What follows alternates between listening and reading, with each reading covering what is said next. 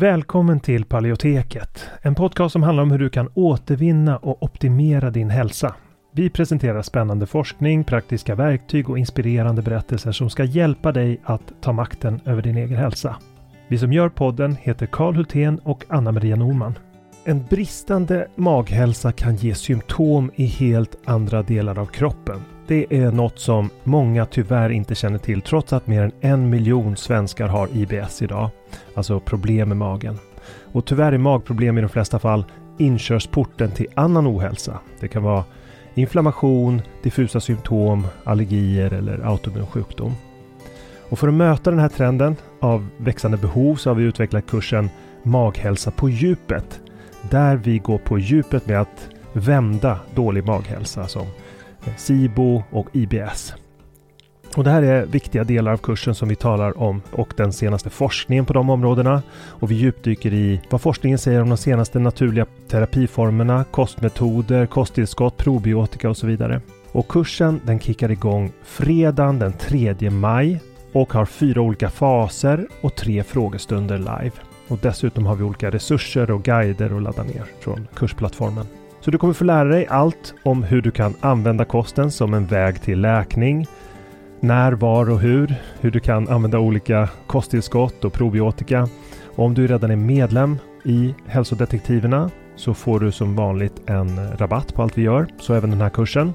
Och den här kursen tror vi är en perfekt väg för dig mot en bättre maghälsa där du inte bara får lära dig ett metodiskt tillvägagångssätt för att minska dina symptom utan också förstå de underliggande orsakerna. För att läsa mer om kursen och anmäla dig till den går in på paleoteket.se och klickar på utbildning. Eller klicka dig vidare från länkarna i podcastbeskrivningen. Så varmt välkommen till Maghälsa på djupet. Vi ses där när kursen startar, den 3 maj. Innan vi kör igång med dagens tema vill jag påminna om att den här podcasten har ett utbildande syfte och inte utgör medicinsk rådgivning. Nu kör vi!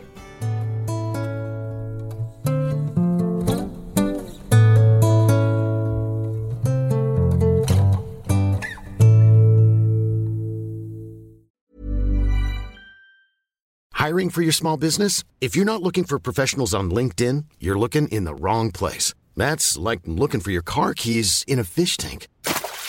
LinkedIn helps you hire professionals you can't find anywhere else, even those who aren't actively searching for a new job but might be open to the perfect role. In a given month, over 70% of LinkedIn users don't even visit other leading job sites. So start looking in the right place. With LinkedIn, you can hire professionals like a professional. Post your free job on linkedin.com slash people today. In the market for investment-worthy bags, watches, and fine jewelry, Rebag is the answer. Rebag is a luxury resale platform where each piece is carefully inspected by experts to ensure quality and authenticity. Use Rebag to buy and sell finds from the world's top brands, including Louis Vuitton, Chanel, and Cartier. Head to Rebag.com and get up to 15% off your first purchase as a member with code REBAGNEW. Shop today at Rebag.com. That's R E B A G.com. And use promo code REBAGNEW for up to 15% off your first purchase as a member. Life is full of what ifs. Some awesome, like what if AI could fold your laundry? And some, well, less awesome, like what if you have unexpected medical costs? United Healthcare can help get you covered with Health Protector Guard fixed indemnity insurance plans. They supplement your primary plan to help you manage out of pocket costs. No deductibles, no enrollment periods, and especially no more what ifs. Visit uh1.com to find the Health Protector Guard plan for you. Ja, idag ska vi prata om celiaki och gluten. Hur kommer det sig att vi har lagt ett helt avsnitt för att prata om celiaki och gluten? Jo, därför att just celiaki är en autoimmun sjukdom som vi vet, eh, vi vet orsaken till och det finns en väldigt känd eh, eh, väg som, som det uppstår och som man också kan häva, nämligen, nämligen genom att eh, ta bort den orsakande faktorn. Och därför så tänkte jag att vi genom att förstå celiaki ordentligt också kan bygga upp en förståelse för hur andra autoimmuna sjukdomar uppstår. Ah, vad spännande. Mm. Så hur kommer det sig då att vissa kan bli så himla sjuka av gluten och alltså så vanliga livsmedel som till exempel bröd och pasta? Jo, det här, det här liksom stammar ju från våra rötter verkligen lång tid tillbaka. Där, eh, ända tillbaka till jordbruksrevolutionen för 10 000 år sedan. Och den innebar väldigt stora eh, förändringar för människan som art. Och vi vet att när man började odla spannmål för 10 000 år sedan så, så blev människor kortare, skelettet eh, blev svagare, vi fick undernäring. Man, man har liksom bekräftat det i, i eh, arkeologiska studier. Och eh, vi vet också att eh, infektioner kom och medelåldern sjönk och så vidare. Så vi gick från bättre till sämre hälsa och det var ju då ett resultat av en krock mellan gamla gener och eh, ny, en ny kost som, som den här civilisationens eh, mat förde med då. Eh, och en sån krock var just celiaki. Det var då en helt ny sjukdom som kom för första gången när jordbruket kom. Den har inte funnits under de två och en halv miljoner år som människan har funnits. Um, och uh, ja, det, det, här, det här är uh, anledningen, alltså en krock mellan gener och uh, matmiljö. Hur länge har man känt till då att gluten kan vara sjukdomsframkallande? Alltså för redan för 2000 år sedan beskrevs symptombilden på celiaki i, av grekiska läkare. Men, men eh, det var nog i början av seklet, alltså vid skiftet 1800-1900-tal som det började upptäckas av då en, det var en holländsk läkare om jag inte minns fel som, som upptäckte det bland barn. Och det han upptäckte var att eh, Alltså det här, det, den stora upptäckten egentligen var ju eh, sambandet mellan glutenfri kost, alltså gluten och de här, den här symptombilden som beskrevs då som celiaki.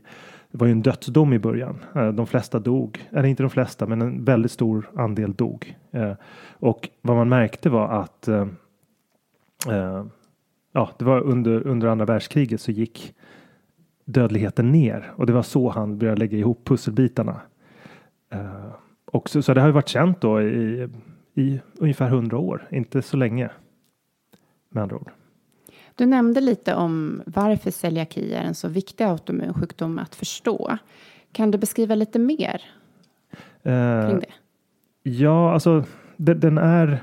Jag tycker att man kan använda celiaki som en modell för att förstå autoimmun sjukdom och det är det som de koststrategier som vi använder Eh, med klienter. Det är därför, det är det som är själva grunden för varför de tycks fungera. Alltså, annars måste vi hitta någon annan förklaring på det här. Alltså jag vill gärna prata om celiaki därför att det här är, det är dels den enda sjukdomen där man vet att nästan alla har vissa gener, alltså HLA-DQ2 eh, och HLA-DQ8. Eh, och om man går liksom från eh, de ursprungliga delarna där jordbruket och gluten uppstod så att säga, där gluten blev en del av kosten till mer avlägsna delar av världen så ser man hur de här celiakigenerna blir vanligare längre bort. Så att de har liksom selekterats bort nära jordbrukets uppkomst eh, så att säga. Men, men sen är det också så att eh, man vet exakt vilken måltavla för immunförsvaret som är aktuell. Och det är då vävnadstransglutaminas. Vi ska inte gå in på vad det är för någonting, men, eh, men det är viktigt. Man, man vet också den miljömässiga triggern. Det är det här som är huvudsaken, att den miljömässiga triggern, eh, att när man tar bort den så blir man symptomfri. Och det här är någonting som jag eh, jag har berättat om i många sammanhang, men, men man kan ju då förhindra samspelet mellan de här generna och de miljöfaktorerna och därmed också reversera symptomen det är det som är eh, speciellt med celiaki. Och vilken är den kända faktorn då? Ja, det är just eh, proteinet gluten. Mm. Um, um, som är det, det, finns annat som vi kommer in på lite senare tänkte jag uh, som också bör nämnas när det gäller sjukdoms alltså att verkligen initiera sjukdomen så, så krävs det lite andra okända miljöfaktorer också som vi ska prata om. Mm. Men eh, vilka är de klassiska symptomen på celiaki då? Eh, ja, I de flesta fall så uppkommer sjukdomen tidigt då när man när våra ja, vid ett halvår till två års ålder. Eh, och det, de, de klassiska symptomen är ju från magen. Det var de man först upptäckte det på 70-80-talen. Man eh, brukar lägga märke till var svullen mage, diarré, bristande aptit, viktnedgång och ja, magsmärtor. Eh, och de här barnen då som eh, kom in till ja, den holländska läkaren som jag eh, eh, nämnde tidigare. Eh, de fick ju då banandiet, vad de kallas för bananbarnen. De fick en banandiet som eh, ja, föräldrarna kom dit, lämnade barnen, barnen fick ba mm, en banandiet i ett halvår om de överlevde. Så, så hade ju symptomen läkt. Då fick de då introducera nya livsmedel efter det. Men eh, av de, av de barnen som kom in, de liknade ju då svältande Biafra-barn i princip. Eh, kropparna svalt och uppsvullen mage, eh, pin, eh, smala eh, armar och ben. Ehm, och såklart väldigt eh, arga, irriterade, trötta föräldrar såklart. Ehm, så det var det som var fram till 70-talet. Men idag så vet vi att eh, det finns betydligt fler symptom. Ja, jag antar att forskningen har gått framåt när det gäller att hitta samband med andra symptom. Vilka andra symptom kan man känna igen celiaki på?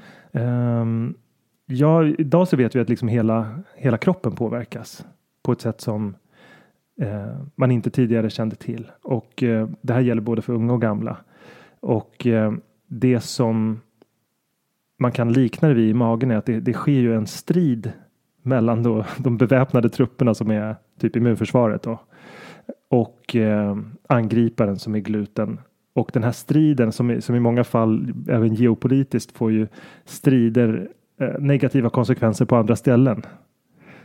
Så att de här soldaterna som har liksom förråats och, och sargats av striden, de tar sig ut till sina hemländer eller tillbaka till, eller, till andra delar av kroppen då, om man ska ta liknelsen med immunförsvaret i kroppen och orsaka skada på andra ställen.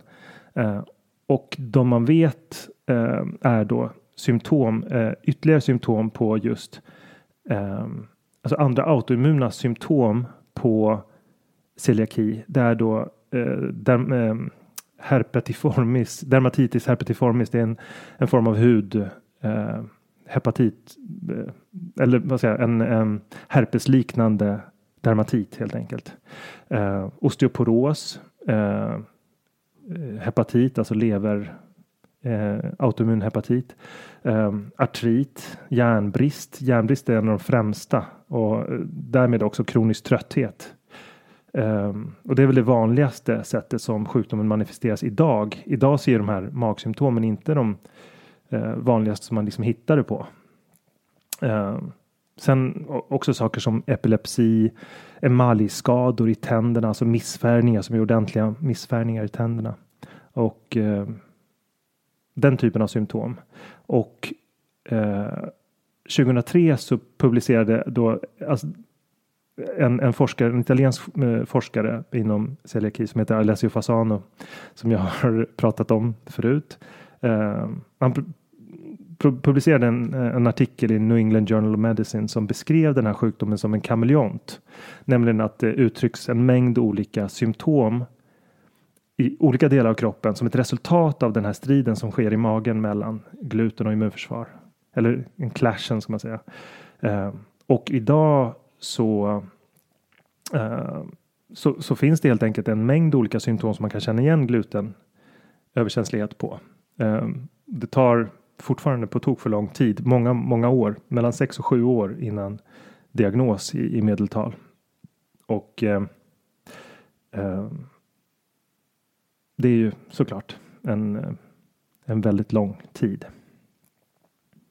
Ehm, men vad, vad, vi vet liksom när det gäller utvecklandet av autoimmun sjukdom ehm, som vi berörde lite grann i början. Eh, det är ju då att någonting som vi, som vi inte nämnde där i början var ju att det behövs dels en genetisk faktor, den här HLA-DQR eh, eh, 2 och 8. Eh, sen behövs det ju också gluten, då, det här proteinet från vete, korn och råg.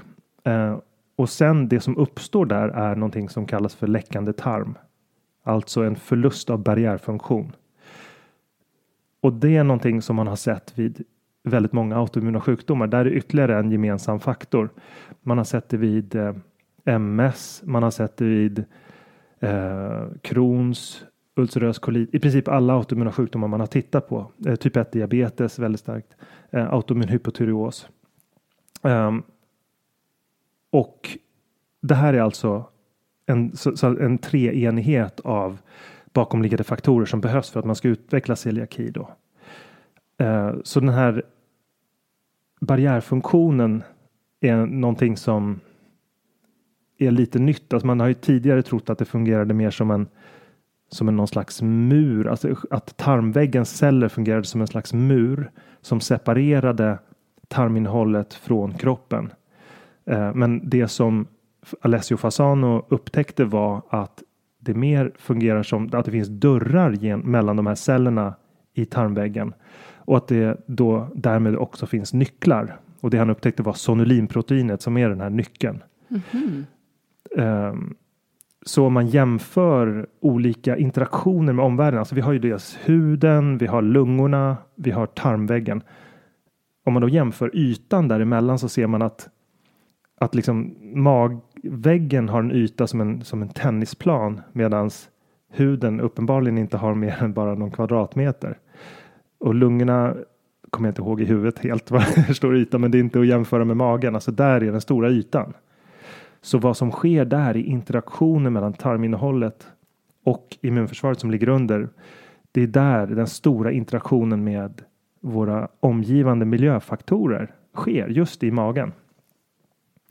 Ja, men så, så det här är en väldigt aktiv yta som är väldigt intressant att titta på och sonulin är ju då som sagt eh, nyckeln och när man ser den här förlusten av barriärfunktionen, alltså läckande tarm eller vad man vill kalla det, då ser man också en överproduktion av sonulin. Mm. Så om sonulin är nyckeln som knyter samman celiaki med läckande tarm, finns det då andra sjukdomar som också är kopplade just till sonulin? Eh, ja, eh, och det här är någonting som är väldigt nyupptäckt. Eh, sonulin är en, en gen som, som sitter på kromosom nummer 16 och det här publicerade också jag läste Fasani i en artikel från 2011 som handlade om bara det här. Att eh, sonulingenen sitter på samma kromosom som en mängd andra eh, riskfaktorgener för autoimmuna sjukdomar. Både eh, inflammatoriska tarmsjukdomar, SLE, typ 1 diabetes, reumatism, MS, det är en nervsystemsjukdom men den är också autoimmun. Eh, plus bröstcancer eh, och leukemi. Eh, och eh, de här sitter då på samma gen. Och när man då tittade och kartlade sonolingenen. så kunde man se att de associerade sjukdomarna, alltså inte bara generna, de satt på samma gen, eh, samma kromosom, men också i verkliga livet kunde man se att sonolingenen. eh, den var associerad med samma sjukdomar, alltså en mängd olika autoimmuna sjukdomar. Eh, den kartlades då 2010. Eh, och där kunde man se att de här sjukdomarna också var associerade med sonulin. Så man kan ju då konstatera att ja, att vår art borde inte äta gluten. Alltså vi har inte ätit det under stora delar av vår historia under 99,95 procent av tiden. Eh, och att gluten då är toxiskt eh, och vad Alessio Fasano menade i en artikel som jag har citerat många gånger är ju att eh, den publicerade 2006 redan. Ehm, det är ju att eh, gluten får eh, orsaken läckande tarm hos alla individer som äter det. Det är toxiskt för alla. Men att det är inte alla som blir sjuka. Det får man komma ihåg också. Men ehm, det här är någonting som ehm, är väldigt intressant ändå att titta på. Eh, tycker jag. Mm, verkligen. Ja, um, men varför är egentligen gluten så speciellt då? Ja, alltså det är ju ett, ja, det har väldigt speciella egenskaper som har gjort det väldigt populärt. Det är den här segheten som gör att eh, bröd blir segt och bubbligt. Uh, och det är väl en del av förklaringen till varför uh, det också är så problematiskt, nämligen att de här sega trådarna, de, vi, i och med att de är evolutionärt nya så har vi inte de enzymer som byggs upp i magen för att klippa sönder proteiner gluten är ett protein. De har liksom de används till att klippa ner proteiner som funnits i, i fisk, kött, fågel primärt och nötter och menar, andra proteiner som har funnits i stor mängd i vår kost. Och eh, gluten är då ett eh, protein som inte kan bryta ner överhuvudtaget. Alltså det kan bara klippas ner i mindre bitar. Det kan inte brytas ner. När ett, när ett protein bryts ner så klipps det först ner i mindre bitar och sen så klipps det ner i ännu kortare fragment, alltså från protein till peptid till aminosyra och som aminosyror tas det sen upp. Men, men eh, och, och så sker med, med animaliska proteiner. Men gluten kan inte brytas ner och därför så uppstår en konfliktsituation med immunförsvaret. Och det finns eh, flera olika effekter som, som gluten har på, på immunförsvaret som visar sig att eh, ja, dels så finns det fragment som kan vara toxiska. Det kan ha immunmodulerande, alltså immunpåverkande egenskaper. Och det finns två olika fragment som visat sig kunna frisätta sonulin som är nyckeln till tarmväggen. Så en olika fragment har liksom olika negativa inverkan på tarmväggen. Um, och det här visade som sagt redan 2006 av Alessia Fasano att, att de, den här upplåsningsfunktionen med sonulin som ökar genomsläppligheten i tarmen, den, den finns hos alla. Mm. Men hur kan man då veta om man blir sjuk av gluten? Alltså kan man testa sig hos läkaren eller? Uh, ja och nej. uh, i, idag så finns det bra, det finns bra tester som upptäcker celiaki. Um, och inte med 100% säkerhet, men de, de tester som finns, uh, då tittar man i första hand på antikroppar då, IgA-antikroppar mot vävnadstransglutaminas. Och sen så finns det ytterligare tre olika antikroppstester som man kan göra och det finns genetiska tester som kan bekräfta anamnesen, alltså sjukdomsbilden. Och tillsammans så kan man då, det finns till och med biopsier man kan ta av tunntarmen för att, för att verkligen bekräfta. Men det är viktigt att komma ihåg att eh, det här avslöjar inte alla fall. Och eh, det, det finns en stor grupp eh, som inte uppfyller de här kriterierna. Eh, och som eh, inte får några antikroppar och som inte får några förändringar i tarmväggen men som mår bättre av en glutenfri kost. Och där har kommit en ny studie som vi ska gå igenom i ett annat avsnitt, inte det här. Men eh, det är väldigt spännande att se vad som händer i kroppen hos de individerna. Där finns det inte några bra biomarkörer idag som man kan kolla som blodprov. Och de flesta flyger under radarn. Absolut när det gäller att ta tester utan det bästa sättet idag i brist på biomarkörer, alltså blodprov, eh, är att eh, göra en exkluderings, ett exkluderingstest som, som innebär att man inte äter gluten på mellan 30 och 60 dagar och sen så gör man ett provokationstest. Så det är. Um, du menar att man, först äter man det inte och sen så äter man det? Ja. Mm. Och ser uh, själv vad som händer, så det är inte någonting man gör med läkaren? I samarbete med läkaren? Eh, nej, det kan inte de erbjuda idag, utan det brukar ju snarare vara att det brukar snarare vara att läkaren säger du har inga problem med gluten ifall man men, men det är helt enkelt inte sant och det kommer jag att prata jättemycket mer om i ett annat avsnitt. Varför och på vilket sätt det inte är sant. Mm. Um, men det, någonting som jag glömde nämna tidigare, det var ju att det här med att, eh, att celiaki också ökar för varje år. Eh, och det, det betyder att de här tre faktorerna som vi pratar om, alltså generna, de har ju inte förändrats. Eh, glutenexponeringen har inte förändrats så mycket de senaste 40-50 åren så har vete sett ut ungefär på samma sätt och så. Eh, och det här med läckande tarm vet vi helt enkelt inte. Det har inte testats så lång tid, men att det är ju å andra sidan bara en effekt av de övriga två och den, den effekt eller den det, det som Alessio Fasano lyfter fram är just mikrobiomet, alltså de eh, bakterier vi lever med i, i våra tarmar.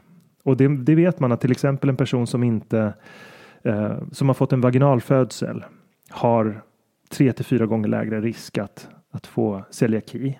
Eh, det, det, är ju påverkat av mikrobiomet som börjar implanteras redan i, när, man, när man föds i munnen. Ehm, och så, så de flesta med, alltså en, kejsarsnitten är överrepresenterade vid celiaki och eh, det, det, finns helt enkelt en mycket forskning just nu på hur man ska kunna förekomma eh, förändringar, alltså förekomma högriskgrupper i att kunna modifiera, modulera mikrobiomet för att undvika sjukdom längre fram. Alltså de, det, det, är någonting som är en väldigt stor utmaning och stor möjlighet framöver. Mm. Ja. ja, nu har vi fått höra jättemycket här om celiaki och gluten och eh, vi konstaterar lite kort där att det också finns andra som kan må bra av en glutenfri kost som mm. inte har celiaki. Um, och eh, det kommer bli jätteintressant att höra mer om. Mm. Uh, du vill inte säga något mer om det nu eller kring det? Jag kan väl avslöja så mycket att uh, det är inte några positiva saker som händer i kroppen när man har uh, glutenkänslighet som inte är celiaki. Det, det är liksom mm. inte någon, något frikort så att säga, att det bara är att man mår lite dåligt. Okej. Så mycket kan jag avslöja. Spännande cliffhanger här. Ja. ja. Um, och när det gäller celiaki kanske vi bara kan sammanfatta vad är de liksom vanligaste symptomen sådär? Ja, de vanligaste symptomen som är tidigast kända är ju gastrosymptomen, alltså diarré, svullen mage, bristande aptit, viktnedgång. Idag så upptäcks det snarare på järnbrist, kronisk trötthet, men att vi vet också att eh, det finns eh, de här hudsymptomen, en viss typ av dermatit. Det finns eh, osteoporos, eh, hepatit, eh, artrit och eh, även epilepsi och försenad pubertet. Sådana såna saker, alltså att man inte växer som man mm. borde. Um, det är saker som, det, det är symptomen. Mm. Men att listan på symptom eh, när det gäller eh, glutenöverkänslighet är ju betydligt eh, längre. Alltså när det gäller symptom på eh, den här gruppen som har då icke celiaki glutenöverkänslighet. Där finns det då ja, olika saker som, som är lite mer diffusa som handlar om huvudvärk, hjärndimma, diarré, depression, eh, ledsmärtor, trötthet. Alltså det, det, det, är en stor brist på biomarkörer och mm. kunskap när det gäller den här gruppen. Så det finns ganska stor risk att man börjar leta i fel ände där? Ja. Mm.